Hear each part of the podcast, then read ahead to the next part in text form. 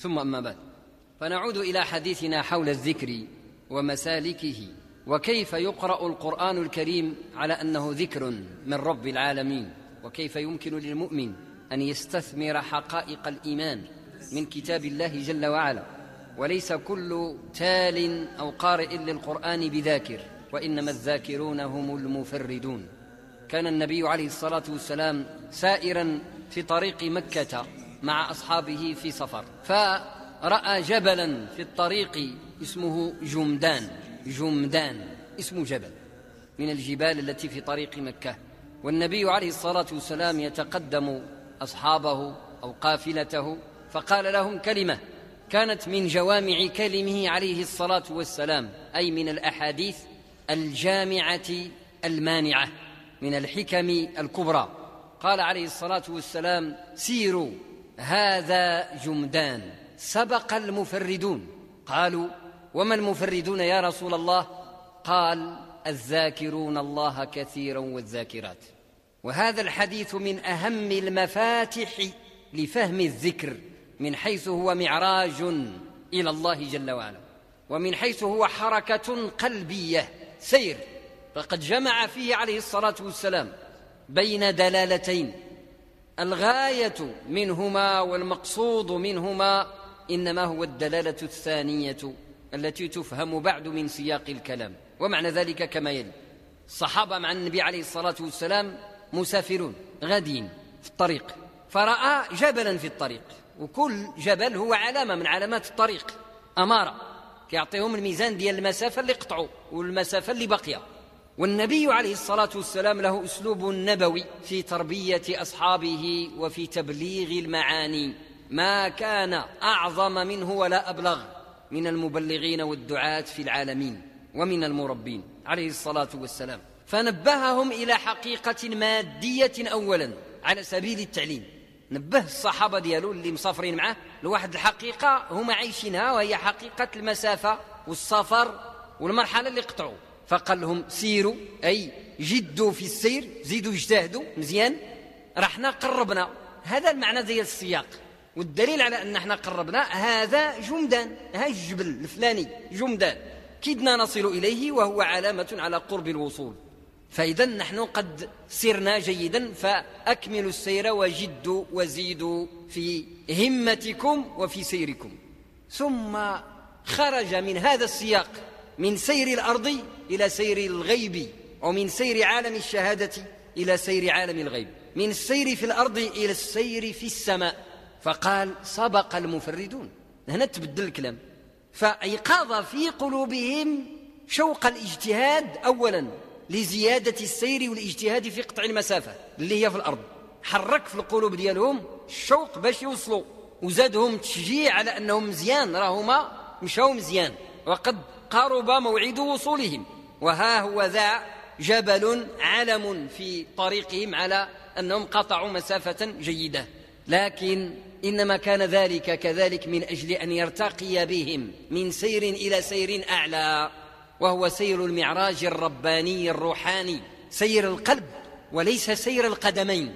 فقال عليه الصلاة والسلام سبق المفردون.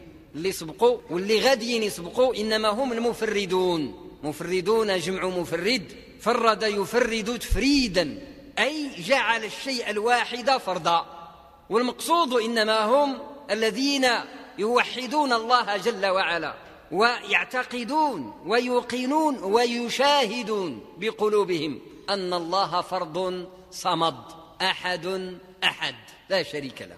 تفريد وهو منزلة من منازل الإيمان منزلة التفريد والتجريد. يجردون الله عن كل نقيصة تجريد. يجردونه عن كل نقيصة ويفردونه بالوحدانية جل وعلا. سبق المفردون. هادوك الجموع ديال الصحابة عمرهم ما سمعوا هذه الكلمة ديال المفردون. ثم هما كانوا في معنى معنى ديال الرجلين وديال المشي على الأرض. فما فهموش كيف يكون النبي عليه الصلاة والسلام يتكلم على الطريق وعلى الرجلين والسفر شوية يقول لهم سبق المفردون. قالوا وما المفردون؟ ما المفردون يا رسول الله عليه الصلاة والسلام؟ فارتقى بهم في الجواب إلى غاية الكلام ابتداء. يعني من اللي جاوبهم عاد بان المعنى ديال قوله عليه الصلاة والسلام سيروا هذا جمدان ماشي لما قال لهم سيروا يعني المقصود بالدرجة الأولى هو يجريوا لا. إنما طلب منهم أن تسير قلوبهم. سيروا سيروا إلى الله. أما الطريق رقوا غد فيها. فآخر المعنى دل على أوله. آخر الكلام يفسر أول الكلام وهو ما يسمى باللواحق التي تفسر السوابق. المفردون الذاكرون الله كثيرا والذاكرات. فهذا يبين أن التوحيد ليس عقيدة ذهنية مجردة فقط كلا بل هو عمل وشعور ووجدان. هو ذكر الله كثيرا الذاكرون الله كثيرا والذاكرات. هؤلاء هم المفردون هم الموحدون. أي حينما تشاهد بقلبك وببصيرتك أن الله واحد أحد فرد صمد تنزه جل وعلا عن الشريك وترى في كل شيء له جل وعلا آثر صنعة وآثر فطرة وآثر خلقة. أي حاجة. شوفها في خلق السماوات والأرض.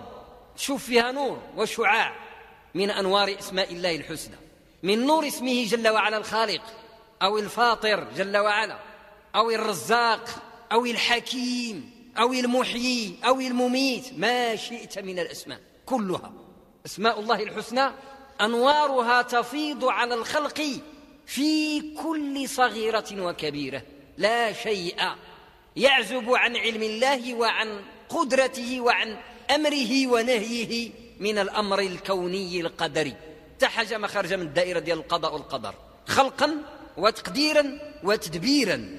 فتشاهد آنئذ أسماء الله الحسنى أنوارا. أنوارا توحد من خلالها الواحد على أن كل شيء يرجع إليه. خلقا وإحياء وإماتة وإعاشة وتقديرا وتدبيرا. ولذلك كان جل وعلا هو الحي القيوم سبحانه وتعالى.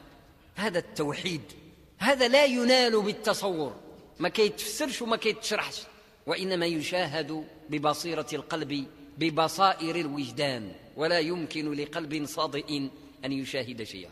القلب اللي مصدي المراية ديالو مسخة ما عنده ما يشوف. فتحتاج إذن لصقل مرآة القلب لتشاهد. المشاهد التوحيدية على صفاء تحتاج لتطهير هذا القلب كما سبق الكلام قبل بهذا المسجد وبغيره. تحتاج إلى تطهير هذا القلب. التوحيد الحقيقي مشاهدة ولا مشاهدة إلا بصفاء القلب ولا صفاء للقلب إلا بذكر الله. ولذلك قال المفردون الذاكرون الله كثيرا والذاكرات. ما دمت تذكر الله حقا وكثيرا بالصباح وبالمساء فإنك تصقل مرآة قلبك. وبصيرته. فتصفو كما يصفو زيت الزيتون. نور على نور. فإذا بك تشاهد آنئذ آلاء الله ونعمه وتشاهد جلاله وجماله في كل شيء أن تعبد الله كأنك تراه. فإن لم تكن تراه فهو جل وعلا يراك. هذه عقيدة التوحيد التربوية وليست الذهنية فقط. ضروري في الذهن ديالك يوقع توحيد لله نفيا وإثباتا على توحيد الربوبية والألوهية والأسماء والصفات على ما قرره السلف الصالح. لا خلاف في ذلك البتة. ولكن مجرد جعل ذلك في ذهنك لا يكفي لأنه لا ينتج ثمرة عملية ولا توحيد بغير عمل. توحيد خدمة. سير قال سيروا. ما قالش قعدوا وقفوا رقدوا. أبدا سيروا. هذا توحيد. ولذلك قال في الحديث الآخر الذي سبق أن بيناه مرارا أيضا من خاف أدلج ومن أدلج بلغ المنزل. ألا إن سلعة الله غالية ألا إن سلعة الله الجنة. الإدلاج السفر بليل. هذا معنى الإدلاج.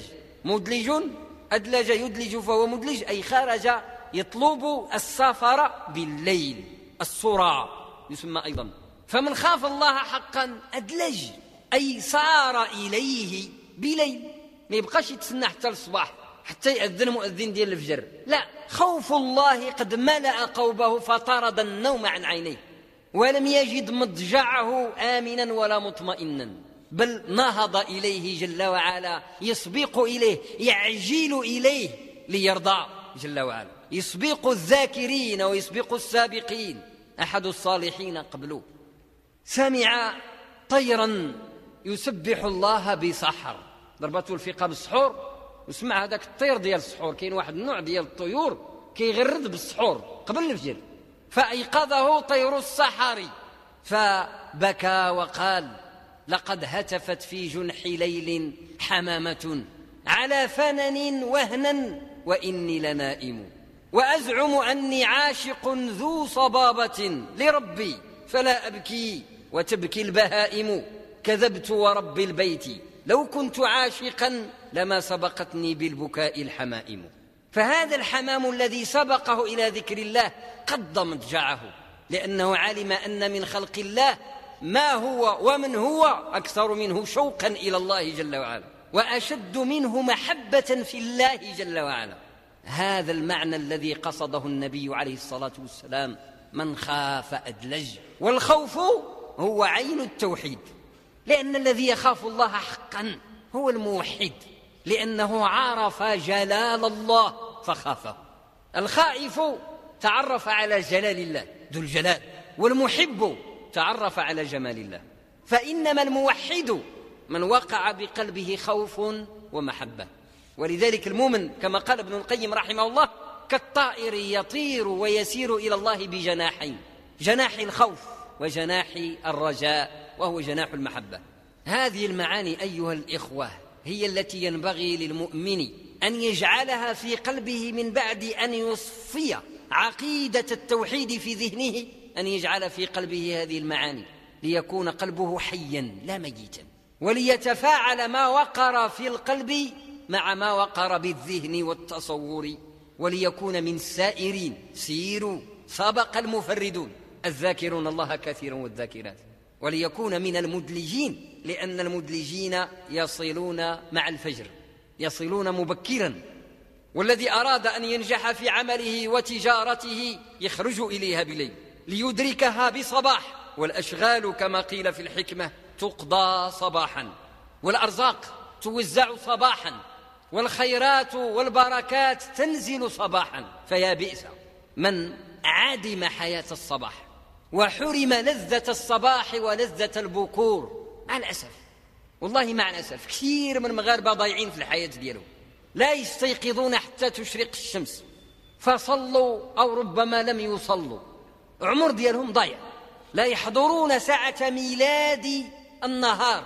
وساعة ميلاد النهار هي ساعة ميلاد الحياة. للذي يتذوق الحياة حقا. ويبصر جمالها حقا. وهنالك يكون المؤمن على موعد مع الله في حشد مع الملائكة. كما في الحديث يتعاقبون فيكم ملائكة بالليل وملائكة بالنهار ويلتقون في صلاة الفجر. في صلاة الفجر. هؤلاء هم المدلجون الذين يصلون في الموعد وهم السائرون الذين يسبقون ويصلون قبل الموعد. وهؤلاء أعلى درجة. سابق المفردون سابق المفردون. القرآن الذي أراده ذكرا يأخذه هكذا. على أنه سير. ماشي قراية تتلى هكذا بشكل جامد. لا. على أنه سير. مشي حركة إلى الله. معراج عبر السماوات. من الأرض إلى السماء السابعة. إلى الملأ الأعلى الذي لا يأخذ القرآن هذا المأخذ لا يحصل له الذكر بالقرآن وهذا نتيجة أخذ القرآن على منهج التلقي كما سبق بيانه في حصص سابقة. تأخذ القرآن على منهج التلقي كما أخذه رسول الله عليه الصلاة والسلام كما بينا وفصلنا توقع بقلبك هذه الأحوال أحوال المشاهدة لجمال القرآن. ولذلك العبد الذي يتدبر آية القرآن وصوره يجد حقائق الإيمان تتدفق لا تنفد. حقائق الإيمان كتفيض كالغدران. حل الأنهار. تفيض بماء عذب زلال كالشلال. من عيون لا تنضب ولا تنفد. قل لو كان البحر مدادا لكلمات ربي لنفد البحر قبل أن تنفد كلمات ربي ولو جئنا بمثله مددا. هكذا هو كلام الله هكذا هو القرآن العظيم. فلذلك يعني عدد ديال الناس كي عنده مشاكل نفسية أو عنده مشاكل عقدية أو عنده جفاف في القلب كتقول له قرأ القرآن. كيقول لك كنقرأه ولا يتحول مني شيء. لا تقرأوه أبدا. مستحيل أن تكون قارئا للقرآن بحق ولا يقع في قلبك تحول. ما يمكنش. لأن معنى قراءة القرآن أنك تتحرك تسير تمشي. فكيف تقول لي كتمشي وما كتحولش؟ ما يمكنش. أنت هنا مثلا في مدينة مكناس وقبض طريق الفاس أو لطنجة وغادي فعلا كتمشي وتقول لي ما كنتحولش كتحول. لأنك حينما تلتفت يمينا وشمالا تجد مكانك غير المكان الذي كنت فيه وتجد أحوالك ومشاهدك غير المكان وغير الأحوال وغير المشاهد التي كنت فيها. اللي راكب في واحد القطار وغادي من محطة لمحطة كل محطة كيلقاها في شكل. أحوالها أخرى مناظرها أخرى أشكالها أخرى. لماذا؟ لأنك تسير. أما إذا راكب في واحد الحافلة معطلة واقفة. طبعا ملي تجلس ساعة ساعتين ثلاث سوايع تضرب الفكري من شمال تلقى موضعك هو موضعك. فقارئ القرآن الذي لا يقرأه على أنه حركة وسير إلى الله مثل الذي يركب حافلة معطلة خاسرة وقفة أما قارئه الذي يقرأه على أنه حركة سير سيروا سبق المفردون. هؤلاء وهؤلاء فقط. يجدون أحوالهم غير الأحوال ويجدون الشفاء ينزل عليهم حقا. ينزل القرآن عليك كما ينزل شلال الماء البارد. أركض برجلك هذا مغتسل بارد وشراب. برك صافية من الماء الزلال تسبح فيها بوجدانك وتجد أحوالك تتغير. قطعا تتغير. القرآن الذكر يؤخذ هذا المأخذ. وإلا أش من حكمة باش رب العالمين يلزم علينا بعض الصور وبعض الآيات نقراوهم ديما. لكل ما كانت القراية كتبدل والأحوال كتغير لما الزمنا بقراءة أم الكتاب سورة الفاتحة في كل ركعة. أزيد من 17 مرة في النهار. 17 ركعة مفروضة والمؤمن يصلي قطعا أكثر من ذلك بالسنن المؤكدة والمندوبة والنوافل. يعني علاش نعاودوا الكلام؟ الحمد لله رب العالمين في الركعة الأولى الحمد لله رب العالمين في الركعة الثانية في الثالثة في الرابعة في الصباح في الظهر في العصر في المغرب في العشاء اليوم غدا بعد غدا ديما الحمد لله رب العالمين. لو لم تكن الصورة حركة تسير بوجدانك إلى الله لما تقرر تكرارها وهي خلاصة القرآن كله. سورة الفاتحة هي الخلاصة ديال القرآن كامل.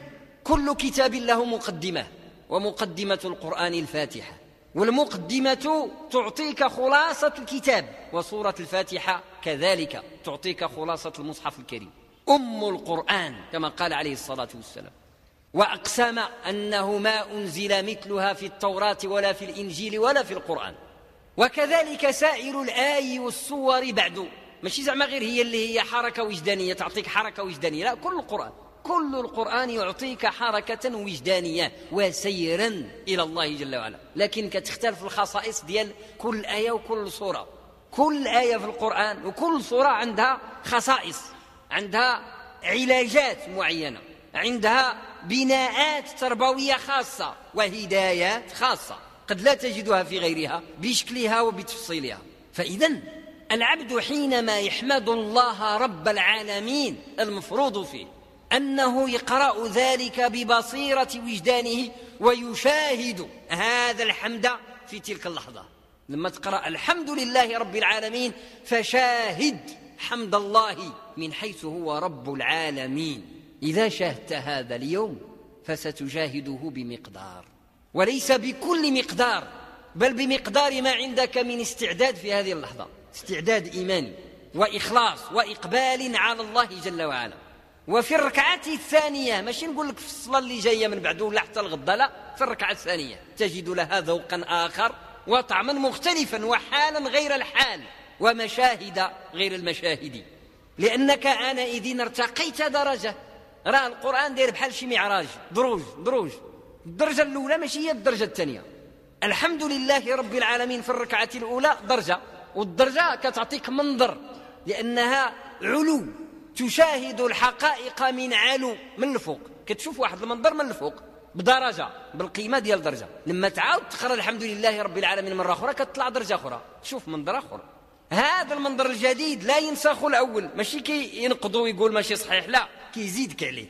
لأن مساحة النظر الأولى راها عندك. كتزيد مساحة نظر أخرى بسبب علو الدرجة الثانية تضيفها على الحقائق الأولى. فتزداد معرفتك بالقرآن وإذا تزداد معرفتك بالله. هؤلاء هم السابقون هم المفردون هم الذين يدلجون ويسيرون إلى الله جل وعلا. وسبحان الله العظيم كما قال العلماء وكما شاهد الربانيون تجد نفسك تتلذذ بصورة الفاتحة. تبدأ تعجب. هذه الفاتحة شحال حلوة؟ وكأنك لا تشبع من قراءتها. حقيقة. بل بعض الأحيان كتبدا تعجب كتقول كأنك عمرك ما قريتها. لماذا؟ لأنك ما كتوقف شيء عند الحروف. لأن الحروف راك مولفهم. الحاء هي الحاء والميم هي الميم والدال هي الدال وهلم جرا ما كتبدل شيء الحروف. ولكن المشاهد تتبدل. والذي طلب منا حين نقرأ القرآن ماشي نبقاو على ظاهر الحروف بل نعيش المعاني. وذلك طلب قرآني مؤكد أفلا يتدبرون القرآن؟ ماشي تقف عند الرسوم. والأشكال والأشباح وإنما تسعى لاستكناه الأرواح والنظر في ملكوت السماوات والأرض. آنئذ تتعرف إلى الله من خلال اسمائه الحسنى ومن خلال جمال خلقه وجلال سلطانه جل وعلا من حيث هو رب للعالمين. فتجد أن الكلمات لا تكفي للحمد. كتقول الحمد لله رب العالمين تحمد الله على ما وجدت من نعمة الخلق ونعمة التقدير ونعمة الرزق ونعمة الهداية وقلبك لا يشبع من الحمد. ما كتشبعش من الحمد لله رب العالمين. لما؟ لأن نعم الله لا تزال عليك متدفقة. الرزق ديال الكريم سبحانه متدفق عليك. الخيرات ديالو نازلة إليك. سبقوه وفضله السابق. أبدا وأزلا عليك متدفق لا تجد لسانا يكفي لاستيعاب هذا الحمد إلا أن تكون من الخاضعين.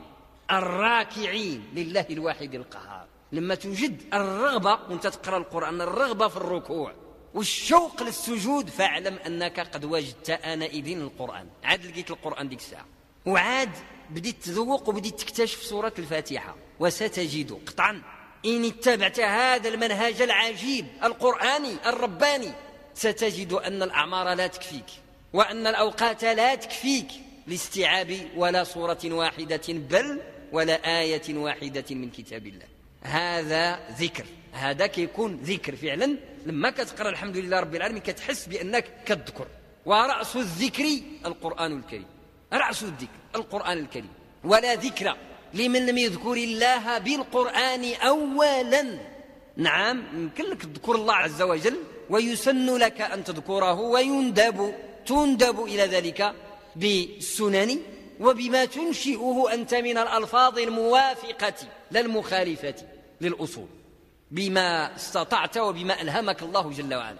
على قدر علمك وعلى قدر أشواقك. لا كذلك ولكن بشرط أن يكون القرآن في كل ذلك دليلك. ديرو قدامك. فراه كيوقع الإنسان واحد الغلط من اللي يقول ودي أنا هاد الآيات وهاد الصور ما فيقوش القلب ديالي نمشي ندير أذكار ديال سيدي فلان ولا علان. هذا خطير جدا هذا استدراج. سنستدرجهم من حيث لا يعلمون. استدراج. قد يفعله بك الشيطان ليهون من شأن القرآن في قلبك وتلك مهلكة كبرى. خطر.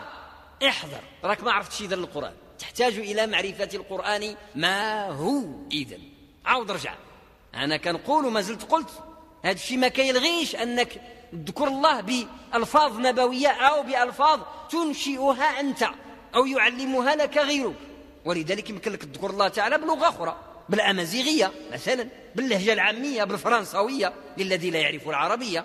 ماشي معنى أن ذكر الله عز وجل لا يصح إلا إذا كان بالعربية كما يعتقده بعض الجهال كلا أبدا. لكن رأس الذكر رأس الذكر الرأس دياله القرآن للذي يعرف مفاتحه ويجب أن تتعلم مفاتحه ما يجيش إبليس يقول لك وانت أمي ما قاريش خاطيك ما حازك أنت تقلب على مفاتيح القرآن بزاف عليك. كلا يجب أن نفرق بين الذكر والتفسير بين الحقائق الإيمانية والحقائق التفسيرية. هذه شكل وهذيك شكل. بينهما عموم وخصوص. لكن ماشي هذه هي هذه. بمعنى أن الحقائق التفسيرية والحقائق العلمية من الأحكام هي شأن العلماء خاصة وطلبة العلم. هذه ماشي مطلوب من الناس كاملين يعني يفتشوا عليها ويبحثوا فيها على العموم. تاخذ منها ما يكفيك للعمل. هذاك واجب عليك. باش تعرف تصلي وتصوم وتعمل الأركان ديالك. ولكن الباقي ماشي واجب عليك. العلم فرض كفاية. إذا قام به البعض سقط عن الكل فلولا نفر من كل فرقة منهم طائفة.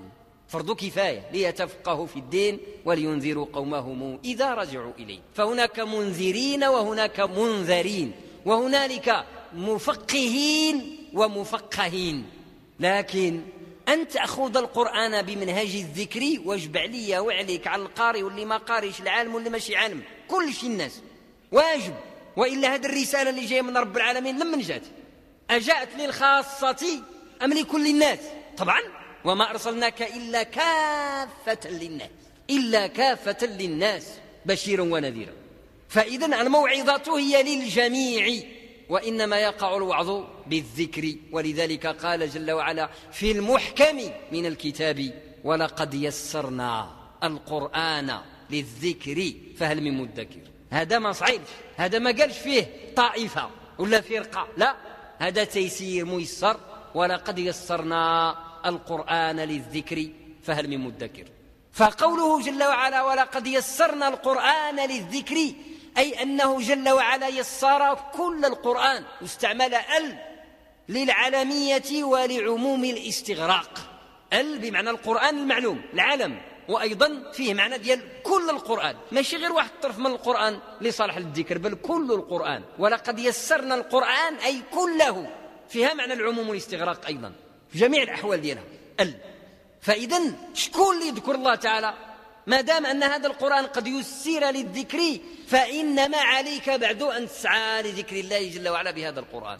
ولهذا واجب علي وعليك وعلى جميع الناس أن يأخذوا من القرآن المعاني الذكرية والحقائق الإيمانية. وهذه ماشي ضروري حتى تكون متعمق في التفاسير. عاد تعرفها.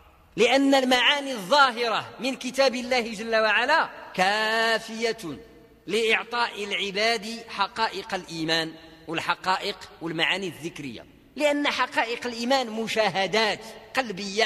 كل الناس يقرأ الفاتحة وكل الناس يعلم ويعرف ما معنى الحمد. تمشي الكتب التفاسير كتزيدك الدقائق والأعاجيب. نعم ولكن داك الشيء اللي عند الناس كافي باش يذكروا الله به. تقرأ سورة الفاتحة من أولها إلى آخرها. ليس فيها كلمة غريبة لا يعرفها الناس. معرفة مجملة. معرفة مجملة. يعني عامة. هذه المعرفة العامة بالنسبة للذكر كافية. وتعطيك من المشاهد ما يعجز القلب عن استيفائه. يعني القلب ما كيكفيهش عمره ما يكفيهش وقته باش يجمع ذاك الخير كامل. كالذي ألقى إليك بمطار من الذهب. شي واحد بدا يرمي عليك يرش عليك الأمطار بالذهب. وما لقيت السطولة ولا الحجر باش تجمع. تجمع تجمع ما كفاتكش الأكياس. فكذلك الحقائق الذكرية الإيمانية حينما تنزل من القرآن من الحقائق المشاهدة حينما تحمد الله جل وعلا. من حيث هو رب للعالمين. أي واحد فيكم يعيش مع هذه الآية هذه؟ الحمد لله رب العالمين. ما غاديش ندخلوا في التفسير. بارك عليك داك الشيء اللي عندك في دماغك. من معنى الحمد؟ ياك الدراري الصغار كياكلوا كيقولوا الحمد لله. هذا يكفيك. كما قال أحد السلف اللهم إيمانا كإيمان العجائز. بركة ما يكفيني. وتحمد الله من حيث هو رب العالمين. رب سبحانه وتعالى. ملشي أشياء عجيبة. تجد فيها من الراحة والطمأنينة والسكينة ما لا تدرك له لا حدا ولا بداية ولا نهاية. ولذلك راه فعلا إحنا المسلمين مطلوب منا نعاودوا نجددوا العلاقة ديالنا مع القرآن. مازال مع الأسف مشكل كبير وهذه يعني مدة طويلة وأنا أذكر هذه الحقيقة وأعيد ذكرها لأن المشكل مازال. مشكل كبير وهو أننا لا نعرف ما القرآن. ما القرآن؟ هذه الحقيقة يعني ما كافيش باش نجيب لها تعريف. جملة ونقول هو كلام الله المنزل على عبده. المنقول إلينا بالتواتر المتعبد بتلاوته إلى غير ذلك مما قيل في حد القرآن لدى علماء القرآن. هذا لا يكفي.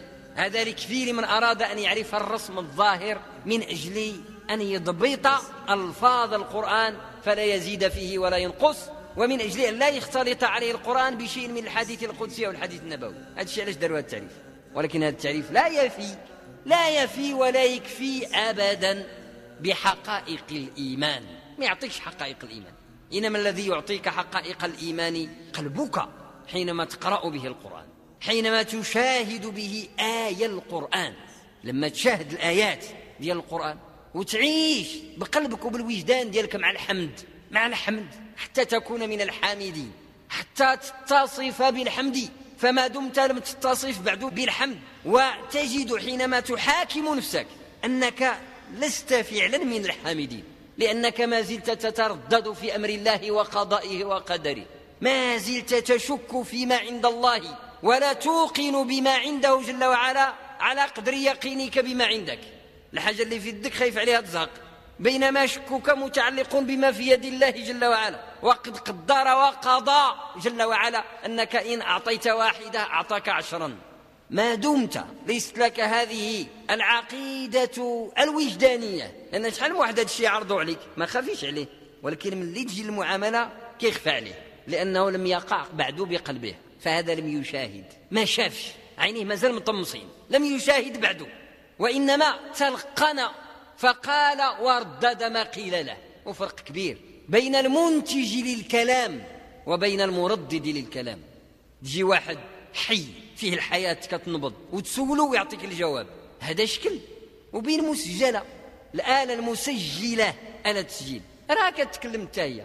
ولكن بدون أن تعقل وبدون أن تعي لأنها لا وجدان لها ولا شعور. كيمكن الكلام اللي تسمعه من عندها تسمعه من عند واحد بنادم.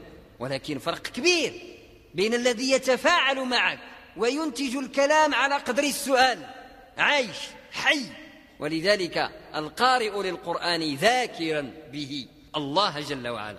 ذاكرا به الله جل وعلا إنما هو الذي يعيش حقائق القرآن ويعيش ألفاظه درجة درجة.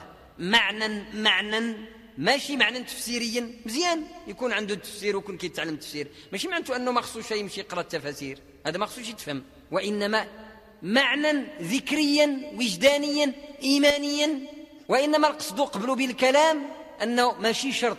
حتى تكون متبحر في التفاسير عاد تحصل لك الأحوال الذكرية. لا ليس شرطا ليس شرطا. لكن طبعا أهل العلم يزيدون. إذا صدقت نياتهم يزيدون ويزيدهم الله من فضله. ولذلك قال جل وعلا إنما يخشى الله من عباده العلماء.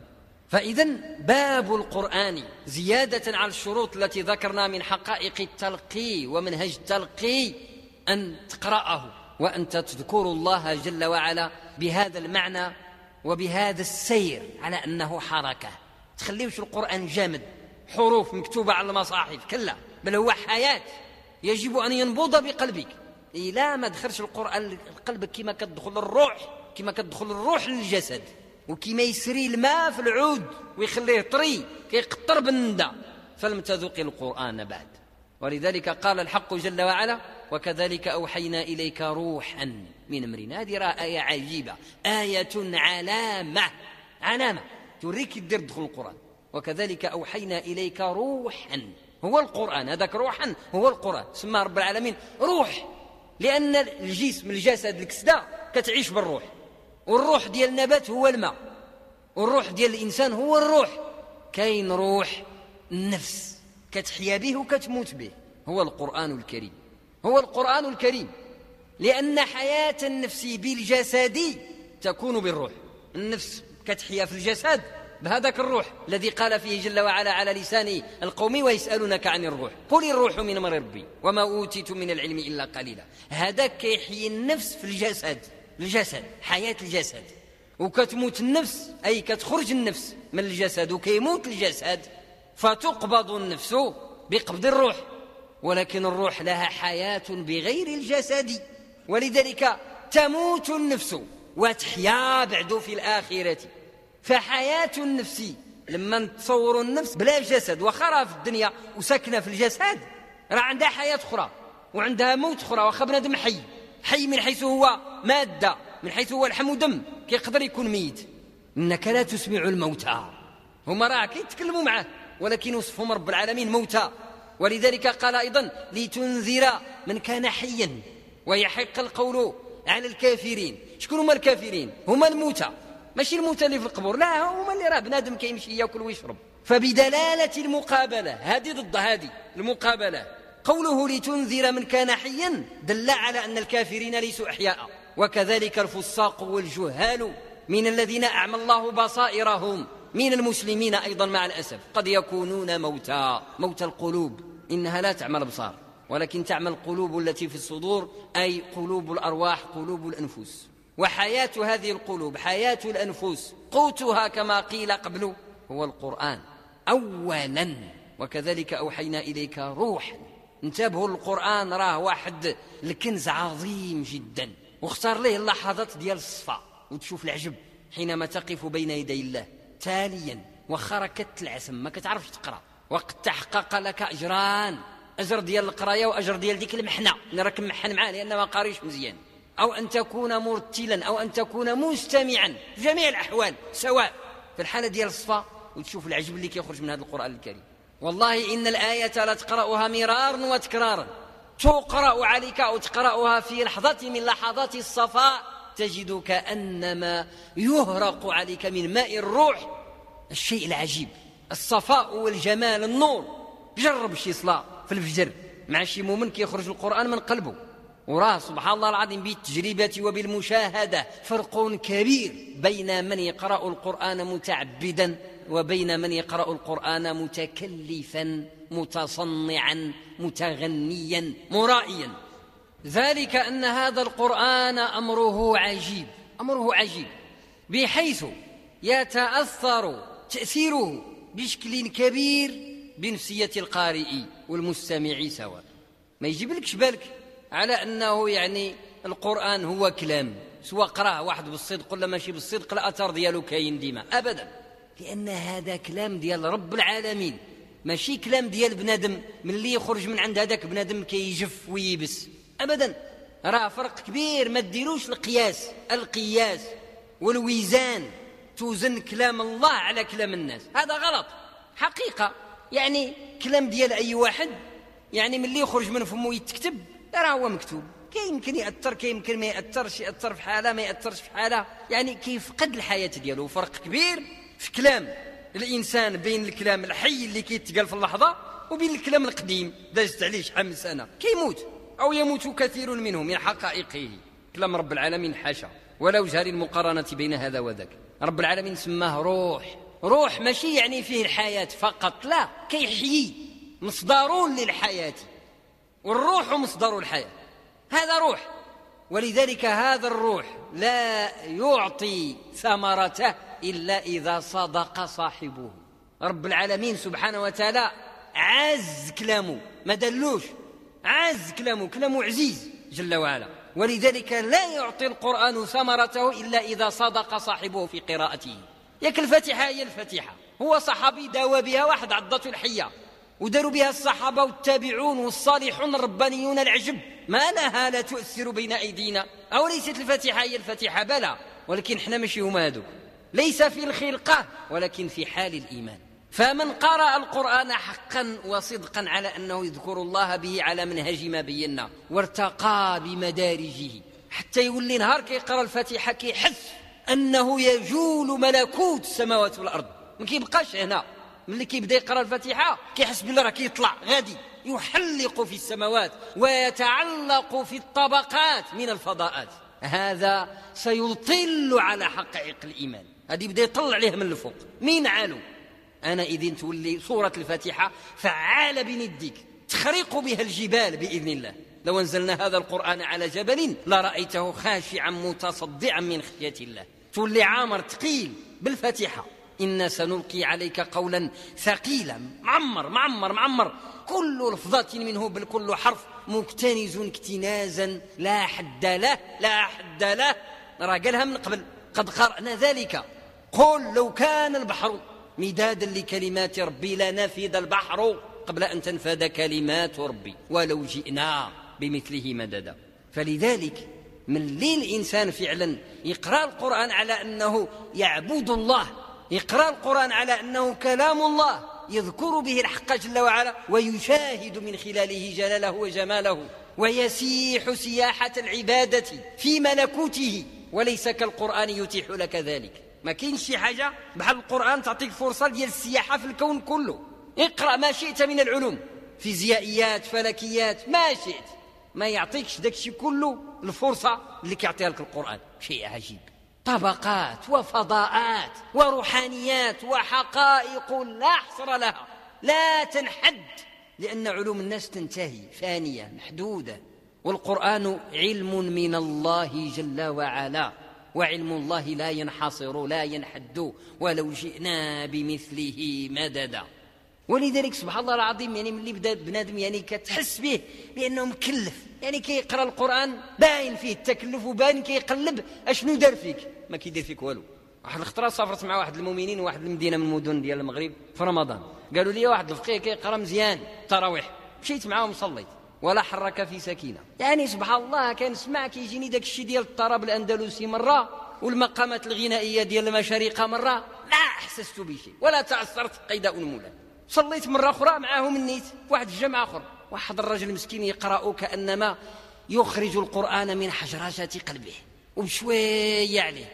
وأحسست من الطمأنينة والسكينة والخشوع. المتدفق ما لم أجد له أثرا في المسجد الآخر. مع أن الآخر الصوت عالي ورفيع ولكن حاضر حاضر الصنعة. وهذيك الصنعة سبحان الله العظيم هو ما قالكش ولكن القرآن كيقول لك كيقول لك هذا راه كيخرجني مجيف سبحان الله العظيم راه مكلف.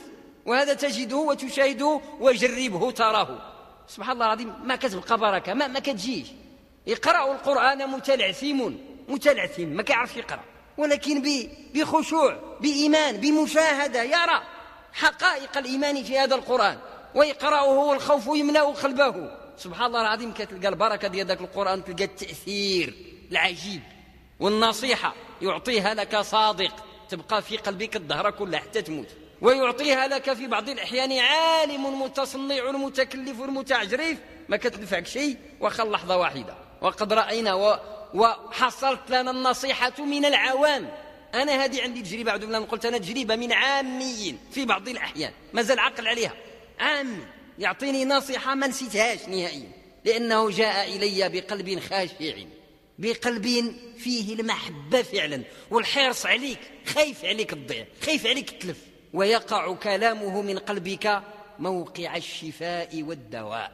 ولذلك الصدق في تحمل القرآن كيعطي النتيجة في أداء القرآن. من صدق في التحمل أنتج في أدائه ومن غاب عنه ذاك غاب عنه هذا. يعني اللي ما خرجش في القرآن من قلبه متلقيا له من الله جل وعلا من لم يأخذ القرآن على أنه كلام يسمعه من الله سبحانه وتعالى خطاب متوجه إليه نازل عليه نزول الذكر.